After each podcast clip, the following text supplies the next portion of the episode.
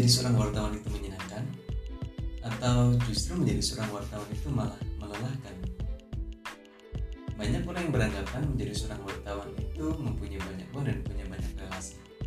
Namun, tak sedikit pula yang mengatakan menjadi seorang wartawan itu malah justru menjauhkannya dari lingkungan sosial masyarakat. Nah, berbagai persoalan itu tadi akan kami bahas oleh tim redaksi Warung Kopi yang berisikan tiga orang wartawan dari Yogyakarta dan berbagai media masing-masing.